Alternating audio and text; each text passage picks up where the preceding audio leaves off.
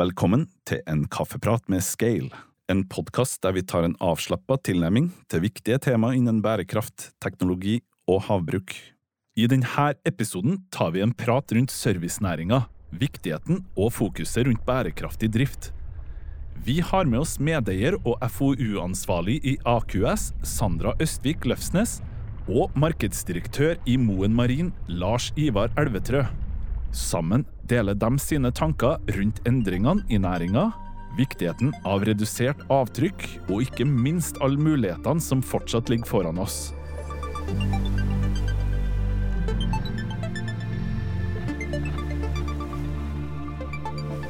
Hei og velkommen til en kaffeprat med Scale. Mitt navn er Sherom Siesa, og i studio i dag med min gode kollega Hanne Digre. Hei, Hanne!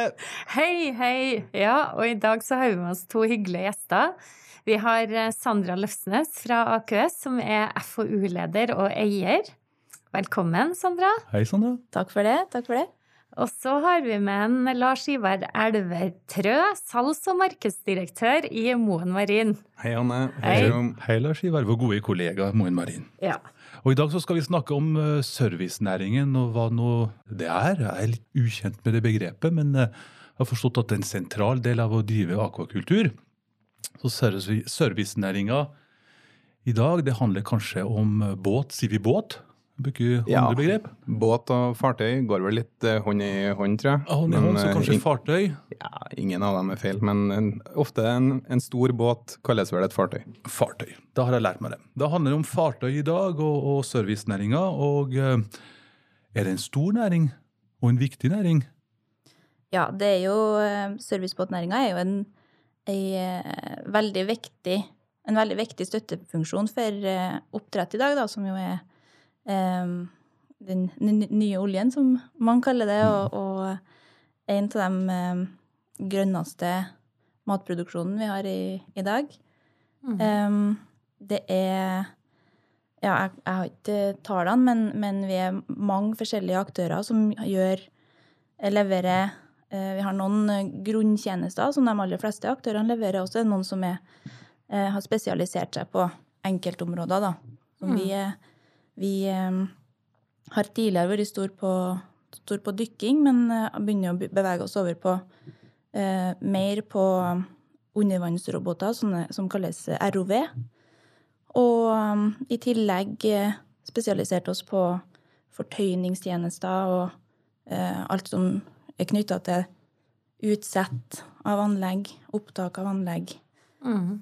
Um, Hvor stor er AQS da, Sondre? Hvor mange fartøy har, har dere? Og eh, I dag så har vi 13 fartøy, mm. og eh, vi kommer til å komme litt inn på det senere, tipper jeg, men, eh, men eh, det tallet kommer til å endre seg litt eh, framover. Så vi er nok kanskje ikke en av dem som har flest fartøy. Vi er ikke så veldig stor hvis du sammenligner med dem som har eh, ja, brønnbåter og, og, og sånn, men vi, vi har tatt et valg om å spesialisere oss på de tjenestene vi, vi er best på. Mm. Og så um, har vi 130 ansatte rundt regna. Så det er jo mye folk, da. Mm. Og eh, mye flinke folk og mye kompetanse på, på de forskjellige fartøyene. Og så har vi jo, eh, opererer vi jo langs hele, hele norskekysten, da. Historisk sett har vi vært stor på Mære og nordover, men, men det er Møre og nordover. Møre, med på Mæra nå, det er viktig. På Ja. Mæran og i Møre og nordover. Yes. Ja. Eh, men eh, vi beveger oss lenger, eh, lenger og lenger sør, da. Så nå er vi, har vi vært mye i Flekkefjord tidligere, og rundt Bergen og området der òg. Ja. Og hovedkontoret ligger i Hovedkontoret ligger i Flatanger. ligger Så, Flatanger. Ja. Ja, så vi holder oss eh, der foreløpig, Mm. vi som er på land. Så bra. Men servicenæringa, så det er servicefartøy, som du var innom det. Du nevnte noe med brønnbåt. Har vi noe i det, Lars? Altså, hvor stor er næringa, bare for å gi lytterne litt sånn Du kan vel si at um, norsk servicenæring har jo vokst i takt med norsk oppdrettsnæring. Um, vi ser jo en uh, tydelig uh, trend de på en måte siste 15 uh, årene at eh, oppdretteren er mer og mer fokusert på å, å gjøre det de kan best. Eh, alt som går direkte på en måte på fisken, røkting av fisken, skaffe altså ta vare på biologien sin. Eh, og så blir det mer spesialiserte, avanserte, tyngre operasjoner der man trenger en annen form for kompetanse. Eh, og det er typisk større båter, fartøy med, med, med heftige eh, kapasiteter både på kraner, vinsjer, eh, ROV-er, eh, dykkere. Hele på en måte det, det spekteret går innenfor på en måte servicebåtsegmentet. Mm. og hvis du ser enda litt større på service til oppdrett, så er jo brønnbåtnæringa òg en del, av det. Men de har spesialisert seg igjen i sin nisje. Og det er jo på en måte frakt av smolt, eh, slaktfisk, avlusing, eh, diverse behandlinger, som gjøres på en måte på et og Der snakker ikke vi fartøy igjen, der er vi oppe på skip. ikke sant? Altså, Nettopp, det var siste begrepet. Så vi har gått fra båt til fartøy til, eh, til, skip. Så da er det rett å anta at eh, volumet da, volumet av operasjoner i både antall og eh, ligger på service, da, som er den typiske ja. den eller de typiske båtene. Ja, okay. det gjør nok det. Også sånn, for å si litt om størrelsene, jeg har ikke helt uh, ferske tall på det heller, men altså uh, innenfor norsk oppdrettsnæring, hvis man regner med på en måte stort og smått da, av båter og fartøy, så, så mener jeg at det er rundt sånn 1200-1300 mm -hmm. båter totalt sett. Noen av dem er kanskje ut allerede, og noen nye kommer inn, men det viser litt omfanget. Ja. Uh, og, og servicenæringa er jo sånn sett over hele landet. Eh, men vi ser òg kanskje litt den trenden som vi ser innenfor oppdrett, at de store blir litt større. Og kanskje vanskelig å være liten. Og, og, så har vi godt etablerte aktører, altså på en måte mellomstore, store serviceselskaper eh, som har størst eh, fotfeste. Der er jo AQS et eh, veldig godt eksempel på på noen som har på en måte begynt i det små, men som har bygd seg opp over tid og fått en solid posisjon. Selv om de ikke er den største med flest båter. Eh, og det er ikke alltid det det handler om heller. Nettopp. Mm. Eh, på en måte velge sin nisje. Mm. Vi konkurrerer jo eh, med de største, og jeg vil nå si at vi er mye på det samme nivået på andre faktorer enn, enn antall båter og folk. Mm.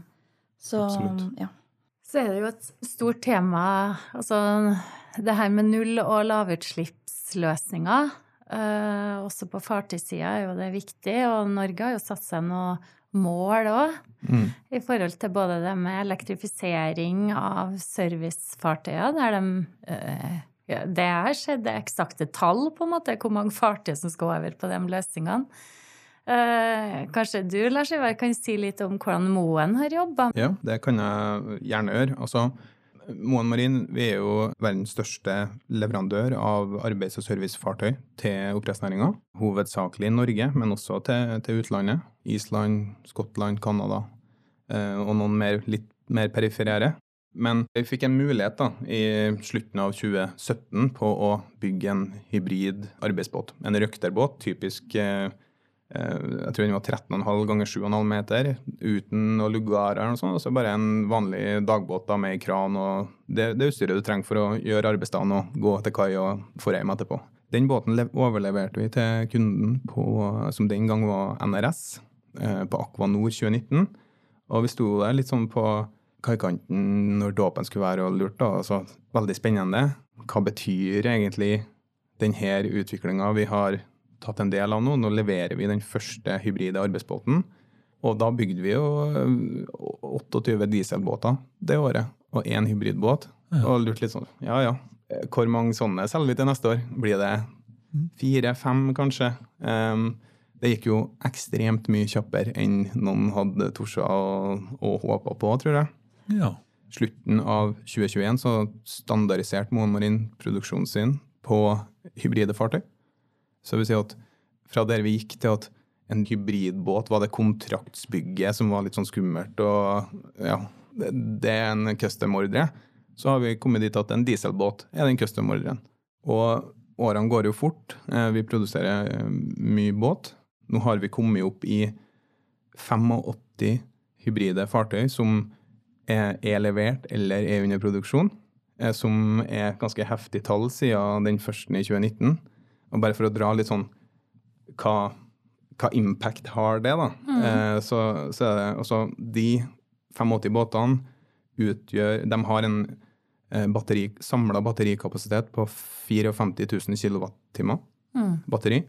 eh, som høres mye ut, men igjen er litt sånn Jeg kunne forhold til det. Er det, er det mye? Hva, ja, er det mye? Er det lite? Ja. Ikke sant? Men altså, den installerte batterimengden da, på de båtene er med og bidrar på ei fuel-besparelse på 17 millioner liter diesel per år. Hva du sa 17 millioner liter per år? Ja. Ja, Det er bare å løpe og kjøpe, sånn da. Som Ja. vi, og det igjen har en Hvis du skal regne om det til CO2-ekvivalenter, Ja. så er det rundt 45 000 tonn CO2-ekvivalenter dægen, per år. Det er imponerende, altså. ja, det er imponerende. Så det er sånn, det, men igjen, hva er en CO2-ekvivalent?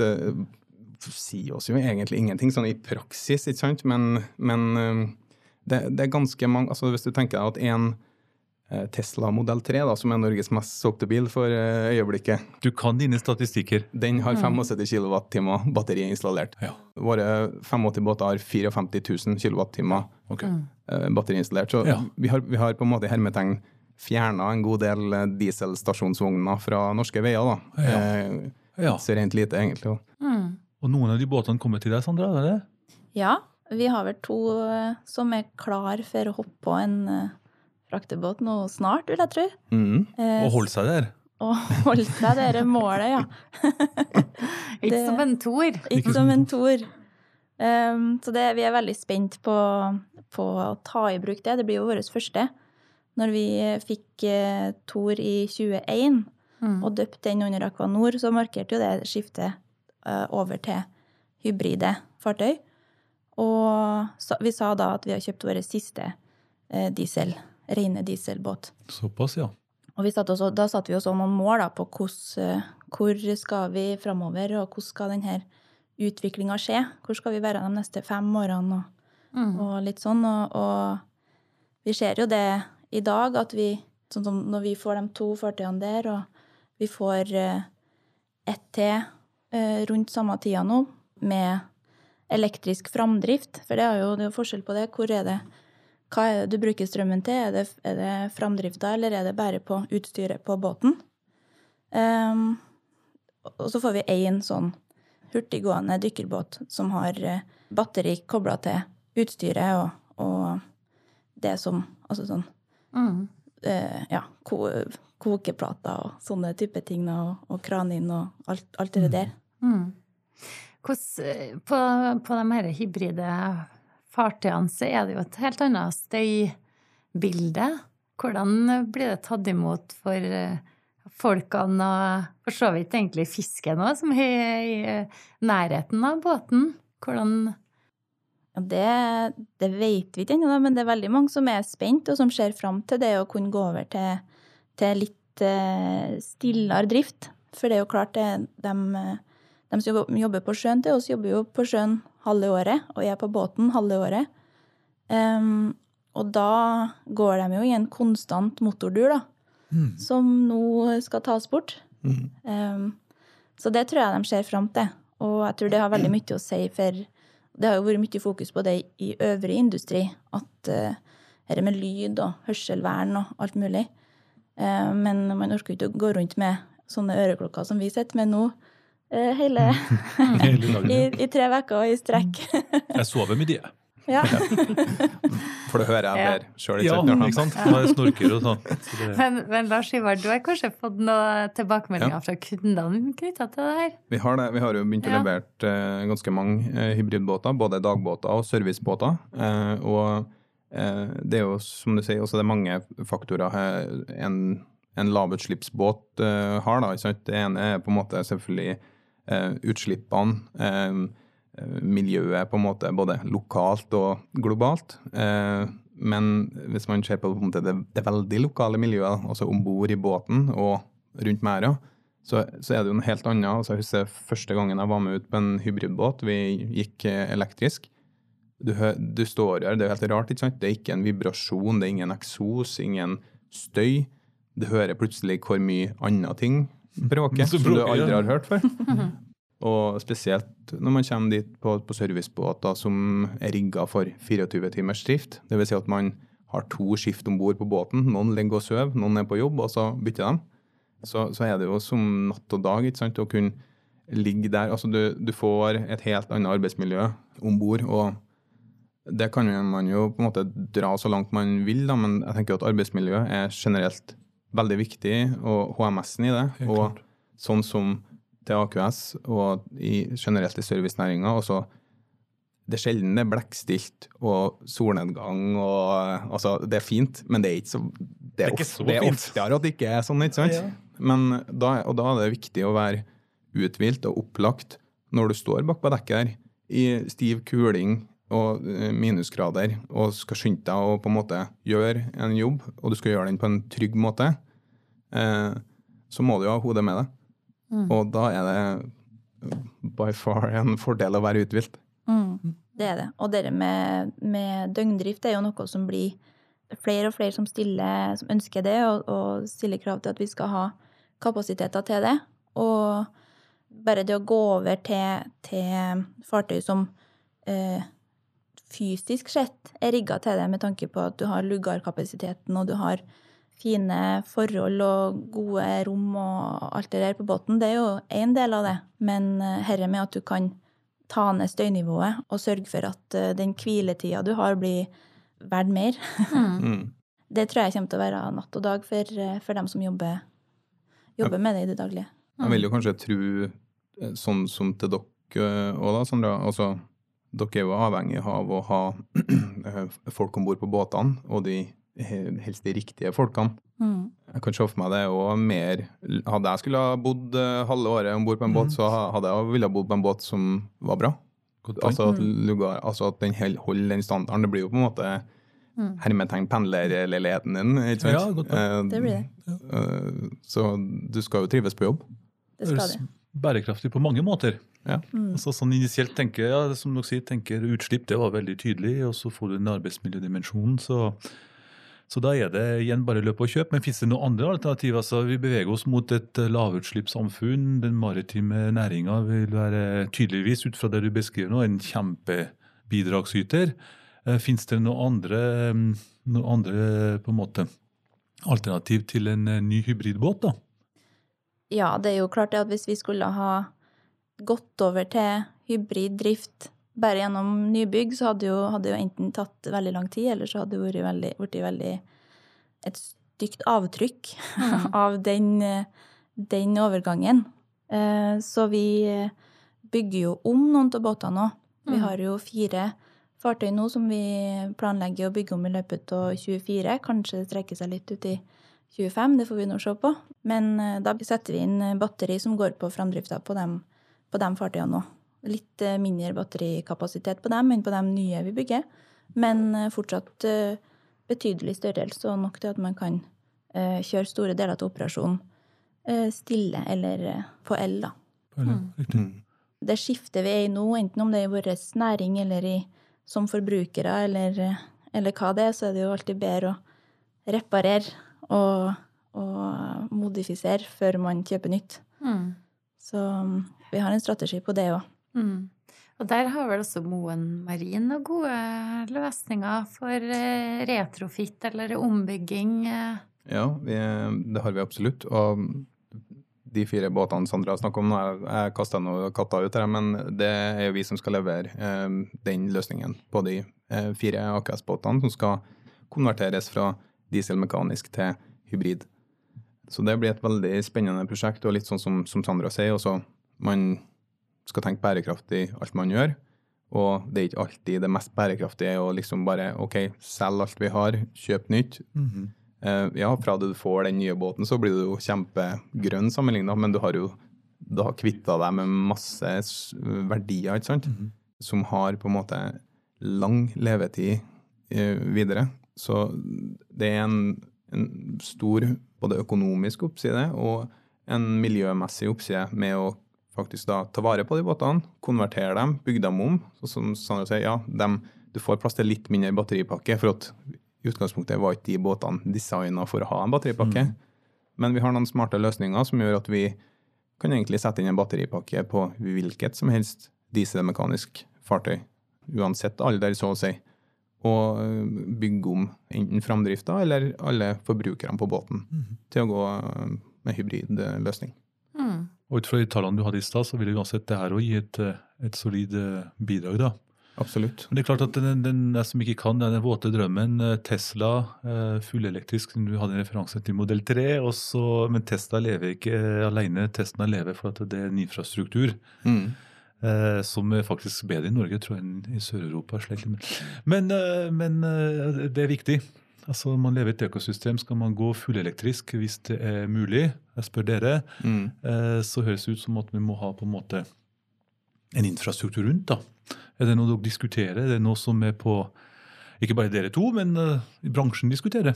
Ja, Når du er inne på det, da, så kom det jo et forslag fra Sjøfartsdirektoratet i, tidligere i år eh, til hvilke krav som skal utformes for vår næring, da, altså servicefartøy. Og der eh, sier de jo det at det skal være mulig å, at eh, alle nye servicefartøy som bygges etter 2025, skal kunne bygges med nullutslipp. Og da først fartøy opp til 15 meter, og så fem år etter det igjen fartøy opp til 24 meter. Mm. Og da er det jo veldig mange som eh, umiddelbart, når, det, når den uh, meldinga kom ut, var det veldig mange som eh, stilte seg spørrende til hva som er bakgrunnen for at man kan si det. For i dag så er det Vi er langt unna det at vi kan drive nullutslipp. Men eh, jeg velger å tro at Sjøfartsdirektoratet kanskje har litt samme tankegangen som vi, da. At eh, de båtene vi bygger i dag, de kan i praksis, gitt de riktige forutsetningene, gå på nullutslipp, i hvert fall veldig store deler av eh, drifta. Så det er litt sånn straks infrastruktur infrastrukturen er der, så har man mye Mm. Og da er det jo avhengig av nettopp denne infrastrukturen som på en måte kan, kan gjøre de båtene til en, egentlig nullutslippsfartøy. Da. Altså, for det er jo litt sånn lavutslipp, nullutslipp. Ja, en hybridbåt kan du altså Det er utgangspunktet. Det eneste som skiller en hybridbåt fra en elbåt, er at du har en generator om bord. Eh, for, både for å ha en redundans, eh, sånn at du For du er på sjøen, det er dårlig vær. Mest, Som backup, ja. Mister Mm. du all kraften, så ok, du treffer jo land. Mm. Det er det eneste du kan være sikker på, egentlig. Mm. Men det er jo ikke ønskelig, eh, det. Du vil jo gå til land sjøl og gjøre det på en forsvarlig måte. Så liksom sånn, kanskje en utfordring som, som vi ser, eh, er jo at hybride fartøy, lavutslippsfartøy, har absolutt kommet for å bli. Eh, Enova hadde et kjempebra insentivprogram for å gi det her grønne skiftet en dytt. da. Eh, Både til servicerederiene og til oppdretterne. Altså alt innenfor oppdrettsnæringa, rett og slett. Kjærkomment program. Det programmet ble avslutta nå i mars i år. Så nå er på en måte teknologien kommet for å bli. Litt sånn som Sandra sier, altså AKS har kjøpt sin siste dieselbåt. Og det, du går litt mot strømmen hvis du nå skal inn og kjøpe deg en ny dieselbåt. Fordi at teknologien er der. Det er bevist, det fungerer. Og det er egentlig blitt i hermetegn hyllevare, det også. Mm. Men ett dilemma er at du har norsk oppdrettsnæring om x antall år med masse hybride båter. Eh, Det er veldig bra. Og så må du lade de her båtene for å ha en optimal drift av dem. Mm. En hybridbåt er fortsatt langt mer både økonomisk gunstig og miljømessig gunstig enn en dieselbåt i drift. Men den blir enda bedre hvis du i tillegg har mulighet til å lade den. Mm. For da fjerner du utgangspunktet behovet for den dieselgeneratoren. Du kan ha den der fordi de, er backup, Mm. men i praksis da, så er det kanskje allerede levert veldig mange nullutslippsbåter, gitt at man har muligheten til å lade dem. Mm. Mm. Nå nevner dere en utfordring i forhold til kanskje infrastruktur som, er, som, som trengs, men er, men er det andre utfordringer eller barrierer dere ser når det gjelder denne skiftet til lav- og nullutslippsfartøy? Hvordan er f.eks. Si, pushet fra, fra kundene? Fra, altså, da tenker jeg oppdrettsselskapene. Det er veldig Det er stor variasjon, vil jeg si, da. Alle sammen har jo et eh, anerkjent hvor vi er hen, og hvor vi, hvor vi skal hen de neste 10-50 årene. Og hvor vi skal, skal være hen om 50 år. Men eh, man har jo ikke landa helt på hvordan man skal nå det ennå. Eh, Så vi merker jo det at eh, våre kunder vil jo gjerne få inn, når de f.eks. skal ta inn eh, nye båter på kontrakt, så har de jo et vidt spekter av, av hensyn de skal ta. Om det er Det er jo det økonomiske, og det er det klimamessige, og så er det liksom erfaringer med den leverandøren, og det er veldig mye, da. De skal vite at dette er et godt valg for lang tid. Nå er det stor variasjon på hvor lang tid, men et år eller flere år, eller Mm. Så da er det jo eh, ofte eh, I de fleste kontraktrundene vi er med på nå, så er det et krav om at hybride fartøy skal være en del av det. Sjøl om det ikke alltid settes krav til hvor mye. Altså hvor stor batteripakke skal det være på de kapasitetene som tas inn, eksempel. Det, fort, eh, det blir fort et spørsmål om, om eh, pris i tillegg. Det blir en sånn Ja. Ja. Mm. Så det, det er hvor stor andel av tida du kan drifte el, mer enn eh, Eller rent enn en Eller å ha muligheten for å drifte el, da. Ja, no, noe sånt. Noe sånt. Ja. Men ja, Ja, jeg er litt eh, nysgjerrig også på, på deg, Lars Ivar, i forhold til eh, etterspørres eh, de løsningene her. Ja. Eh, ja, de gjør det i aller, aller høyeste grad. Um, vi um, opplever, og har opplevd, veldig god etterspørsel etter hybridbåtene. Både servicebåter, eh, som AQS er en typisk eh, kunde av, og røkterbåtene, oppdrettsbåtene, som er på en måte de mm, oppdrettsselskapene, da. eh, Sine egne båter. Ja, sine egne båter. Men vi ser òg en, en ganske stor forskjell på små og mellomstore store oppdrettere. Em, I hvilket mønster de har, og hva type båter de kjøper. De fleste små og mellomstore er ofte mye flinkere til å ta det standingen at vi skal ha nye båter neste år, de skal være hybrid. Det er liksom ikke noe spørsmål, mens vi ser de, de store, og ikke alle, men noen av dem, er litt der at de skal ha hybride båter på servicekontrakter, men bygge seg dieselmekaniske båter som de er sjøl. Og de har helt sikkert en tanke bak det og en, en, en En plan rasjonal rundt plan, rasjonal plan rundt det. Men det er litt sånn det vi ser fra sidelinja, da. Mm. Så det blir på en måte ja, litt merkelig òg. Mm. Eh, med at eh, man vet på en måte at alle manner drar, og så ja, en båt fra eller til i det store til en stor oppdretter. Ok, det er ikke den som bekker lasset på, Mm. på for at de skal nå bærekraftsmålene sine, men, men hvis man tar med det totale volumet Mm. da, som er, er i spill her, så har det jo et det hørtes enormt, eh, enormt eh, påvirkning. Mm. Ja, det er viktig å ta med seg, egentlig. At uh, det, det totale volumet. For det ble jeg litt overraska over når jeg Ja. snakka, snakka med deg også før uh, praten her, Lars Ivar, at det er jo Du kan jo si at brønnbåter får kanskje mye fokus på, på det. For er store båter de koster enormt å bygge. De koster enormt å ha på, på dagleie eller på en fast chart. Altså hinsides summer. Og én stor ting har en større påvirkning enn en liten ting. mm. Men hvis du tar totale volumet brønnbåter og totale volumet småbåter, altså røkterbåter og servicebåter, så tror jeg at eh, vektskåla skifter, seg, skifter litt eh, Ja. standing, da, for å si det sånn. Så um, jeg håper jo at de, de største kommer etter og viser at de tar på en måte det, det grønne skiftet på alvor og bærekraft i alle ledd. Og så er det lett fra utsida å sitte og liksom undres på det. det nok, de har jo sitt å, å gjøre og begynner kanskje der de har størst påvirkning først. Men det er helt klart et forbedringspotensial der. Mm.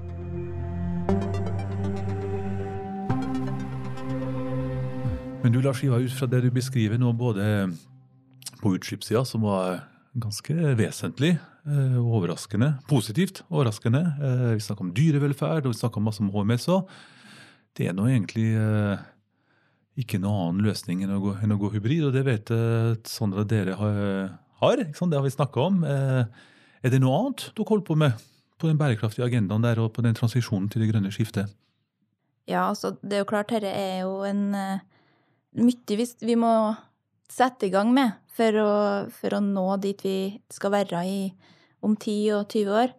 Vi har jo vært litt inn på infrastruktur, og at det kanskje er den neste Det er liksom flaskehalsen for at vi skal ha noe effekt av disse eh, nybyggene og ombygginga vi holder på med. Og da jobber vi med et prosjekt som vi søker Enova-støtte til nå. Søker eh, støtte til å investere i såkalte e-containere, eller batteri, mobile batteribanker, da, egentlig, som er sånne tifots-containere som kan flyttes imellom båter, og som kan hurtiglade fartøyene våre. Så det er jo noe som vi venter på svar på, og som vi selvfølgelig er veldig eh, som, som jeg tror er helt genialt, for å være ydmyk. Eh, men hvis man får inn dette her i den daglige drifta i, eh, i næringa, så tror jeg nok at vi klarer å hoppe over et par ledd, da. Det er ganske mye arbeid som må, må til for å klare å bygge ut den infrastrukturen som trengs. Hvis du tenker på vanlig lading langs kysten, der er det Ja, jeg tør ikke å tenke på hvor vi hvor langt eller kort vi har kommet om, om fem år. Men eh, jeg tror det går tregt, da. Mm. Men med sånne containere så har man mulighet til å sette den på land, seinlade den, og så når vi da er til kai, eh, så kan vi bare røske den med oss og bytte ut den som er tom, sette den på lading og kjøre videre. Og ha liksom en, den backupen da, som vi kanskje i dag eh, bruker dieselgeneratorer til, for å kunne sikre beredskapen og, og vite at vi har mulighet til å drive sånn som vi gjør i dag, da. Og det er jo, altså, hvis du tenker litt sånn stort bilde, da. Altså, I Norge så har vi brukt over 100 år på å bygge ut eh, diesel- og bensinpumper langs hele landet for å eh, fylle opp eh, bilene våre og båtene våre og alt som går da, på fossilt eh, fuel. Nå har jo Enova med flere utarbeida en rapport, Klimanøytral 2050, eh, som gir ganske strikte føringer til hvor Norge skal være hen i 2050 for å ivareta eh, våre miljøforpliktelser.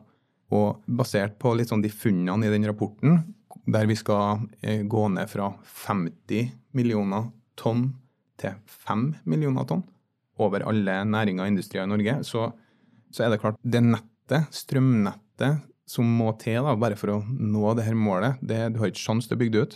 Mm. Du kommer aldri til å bli bygd ut. Um, så her må man finne smarte løsninger. Og litt sånn som Sandra snakker om, altså mobilitet i energi. Ja, bruk det eksisterende nettet. De her batteribankene kan stå og lade dem på den tilgjengelige kapasiteten som er. De kan lade om natta når strømmen er billigere, når det er mer uh, overkapasitet på nettet. Men fordelen er at har du flere sånne, så kan du eh, sjøfle litt med dem. Én kan stå og lade, én kan være med ut.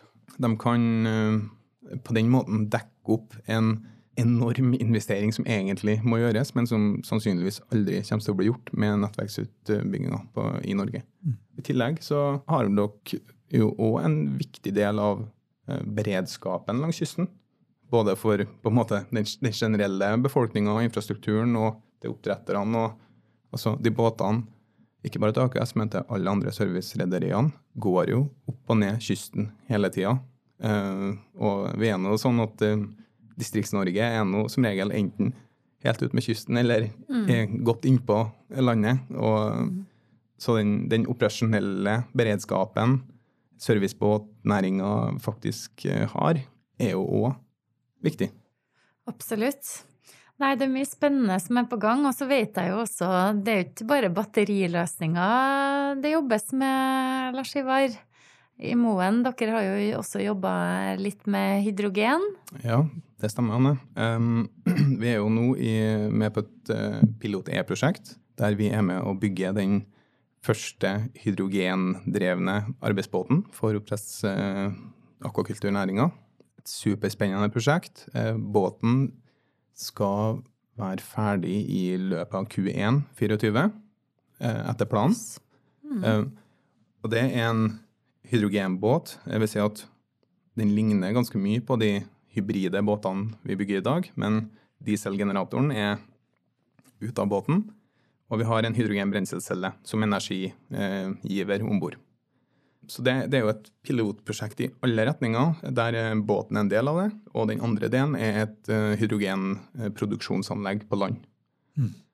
Det blir veldig spennende å se. Det, da er vi jo på en måte nullutslipp med en gang. Vi, vi, gleder oss til å få den i drift. Og så er det litt sånn delte tanker og meninger om er det, er det det som blir den nye liksom, løsningen.